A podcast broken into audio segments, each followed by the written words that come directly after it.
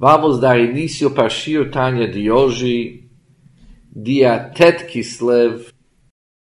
O Shir Tanya de hoje começa no meio da página 314, no palavra Ach Lehavin, e termina na página 315, no primeira palavra da quarta linha, o Chahai Gavna. Nos últimos Shirei Tanya aprendemos várias explicações para entender a grandeza e a superioridade que existe nos mitzvot masiot, de cumprir uma mitzvah bemassé através de um ato. Com toda grandeza e com toda elevação da alma, através de adquirir a Havá e amor e temor para Hashem, através de Hidbonenut, quando a pessoa está meditando sobre a grandeza da Hashem, com toda vantagem, que tem no Avav isso não alcança a grandeza e importância de uma mitzvah bemaser, de uma mitzvah feita com ato. Através de mitzvah com ato, a pessoa capta a essência da Hashem, o mehut. E mais ainda estudamos no Shirtani de ontem, o grande plano da Kadosh de Deus para criar o mundo é somente nos mitzvot masiot que eles representam Hamshachah, estender para baixo diferente do que amor e temor para Hashem, que eles têm uma tendência de subir para cima. Subir para cima é bom somente se aquela energia vai ser aproveitada e combinada depois e traduzido nos atos. Mas somente a Vavirá, ela tem uma tendência de subir. a intenção da Hashem, o plano da Hashem, é a extensão para baixo chamado Hamshachah. E hoje vamos continuar a ver o poder e a grandeza que existe nos mitzvot masiot. Ach lehavin. Mas para entender, Eicha etrog. Como que um etrog, nós vimos antes que um etrog, ele possui o mehut do lukut, a essência do lukut. Shehu merapach ele corresponde com os 288 centelhas divinas, Shalom Nivreru Adai, que ainda não foram elevados, não foram esclarecidos, não foram esclarecidos para ser elevados, que significam birur. O etrog, ele é uma fruta material, que consegue sua força vital de uma clipá chamada Noga, uma clipá que brilha, apesar que aquele clipá é chamado uma clipá intermediária. Ela pode ser elevada para Kedushá através de um biru, através de uma elevação. Mas o etrog por si só, Kodem Habiru, antes que ele foi de fato elevado para Kedushá, Vechen Klafat Filho mesmo corresponde com o pergaminho sobre o qual escrevemos o Tfilin que ele é um é um pergaminho gashmi, material. Ele corresponde com os 288 faíscas divinas. Como que esses objetos materiais, Yamshich or bekelim de zundatzilut, como que eles têm o poder de estender uma iluminação da Hashem para se vestir dos kelim, os recipientes, dos Ze'eran Pin Venukva, dos midot chamados Ze'eranpin, conforme estudamos antes, os atributos da Hashem, Chesed, Gvurat, Tiferet, Netzachot Yisrael são chamados Ze'eranpin, faces pequenas. Nukva, Nekeiva, corresponde com Malchut, através do usar e aproveitar objetos como etrog e klaf, pergaminho de filin, isso tem como capacidade de estender luzes no Keilim do Zeir Anpin e Nukva da Tzilis. E quando falamos sobre Zeir Anpin, Benukve da Tzilut, sobre os atributos da Tzilut, Shekvar os Kelim dos Firot, já Nivreru, Veniskenu alidei Shema, através do Shema, através do nome do Deus, chamado 45, já foi feito a máxima de elevação neles, naqueles Firot, naqueles Kelim, Liot Prinat Lukut, para ser considerado o nível da própria divindade. Conforme estudamos antes, que o Shema ele é chamado Shema HaMevarer. O Shema que causa o biru. E os Kelim da Tzilut já são uma consequência do Shema que nós estudamos antes, que o Shema ele sai da testa do Adam Kadmon. Por isso, os Kelim da, Kelim da Tzilut, os recipientes da Tzilut, já é um nível da divindade. como que um etrog ou pergaminho de tefilim tem como capacidade de ainda estender orot naqueles quilim que são lukud, quando eles, por sua vez, ainda fazem parte do klipat noga. Hine Hamashalas, podemos entender isso aqui de uma forma, de uma analogia. Inyan Hazriya Vantia, o conceito de semear ou plantar.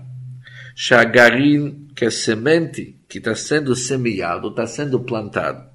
Meorer, ele desperta. A força de crescimento que se encontra na terra. Na terra existe uma força para crescer, para dar crescimento. Shehu, aquela força é Dvar Hashem, são as palavras do Hashem, Tachei Haaretz Desh. Aquela força que existe na terra, jamais que ela vem como a consequência do próprio semente. O semente, ele não tem seu poder de causar crescimento, mas isso vem do Koach Hatzomeach, vem do Koach que existe na terra, aquela força que existe na terra para fazer algo crescer.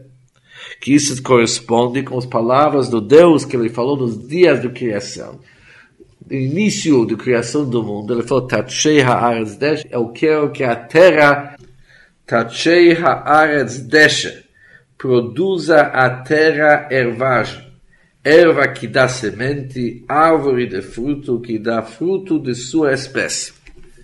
Aquele Dvar Hashem do Tachei haaretz, que isso é o Koach Hatzomeach Hashem Baaretz, é quem que é responsável pelo crescimento o garim, o semente que foi colocado na terra, ela funciona tipo halat man, um despertar do baixo. E ele desperta aquele prato, aquele detalhe determinado de Korachat Someach para seguir igual o estilo e o característico daquele garim, daquele semente. Por isso, aquele cor, aquele cor que vem do garim, ele se inclui no Korachat Someach na força do crescimento que se encontra na terra. Isso obviamente após que aquele semente ele se desfaz e se desmonta e consegue se incluir no Koach HaTzomeich Asher Ba'aretz. Isso desperta o Koach HaTzomeich HaKlali para dar crescimento para aquela árvore, aquela fruta individual. E isso é Alidei Halaat Mandle Shoshot, através de despertar do baixo, da elevação dos mais no das águas femininas que sempre corresponde o despertar do baixo, Lishorshor para seu raiz, que é o Koach Hatzomeach, Kacha, do mesma maneira, do mesma maneira do sentido que apesar que o Garin Hanizrak, aquele semente que foi colocado na terra, jamais que ele tem qualquer comparação e qualquer relevância de uma certa forma para Koach Hatzomeach HaKlali, para a força e crescimento geral. Mas mesmo assim, ele funciona tipo Halatma para despertar de baixo. Sendo que o Koach Hatzomeach é seu shorge, é seu raiz. Assim também, Kacha Meorim, da mesma maneira, despertam o klaf, o pergaminho do tefilin, e o etrog dos daladaminim, ele desperta a drum hamalot, até os níveis mais elevados. Shohu Shem Sag, ele sobe até o nome da Hashem, que tem o valor numérico de 63, Shelifnei Hashvir, que ele transcende, ele acima de todo o conceito de quebra dos Kelim do mundo do Tou. Shehu, conforme já vimos antes, quando falamos do nome Shem Sag, não é apenas um nível elevado, mas ele corresponde com o Hud Atzmut, orot Adam kadon, como a essência e o próprio ser dos orot, dos luzes e iluminações que se encontra no Adam Kadmon, no mundo chamado Adam Kadmon. Adam Kadmon é considerado o Partsuf Rishon, ou primeira estrutura, o Machshavah Agdumah, o pensamento inicial, que ele inclui, ele engloba todo o todos os mundos que vêm posteriormente. Naquele Partsuf do Ak, existe o meu Hutvatzmut, existe a essência, e não apenas uma iluminação, uma irradiação. Por isso, quando falamos que o clafto do pergaminho do e o etrog do dalad minim, Ele soube até, até o nome Sag significa a essência do Adam Kadmon. Velo ha'ara almen e não apenas uma iluminação, como o próprio Shema, que ele sai, conforme já estudamos antes, do Metzar da testa do Ak, do Adam Kadmon, que é considerado uma ha'ara, uma iluminação, apenas iluminação. וכן assim, בלימוד ועיון הלכותיהם.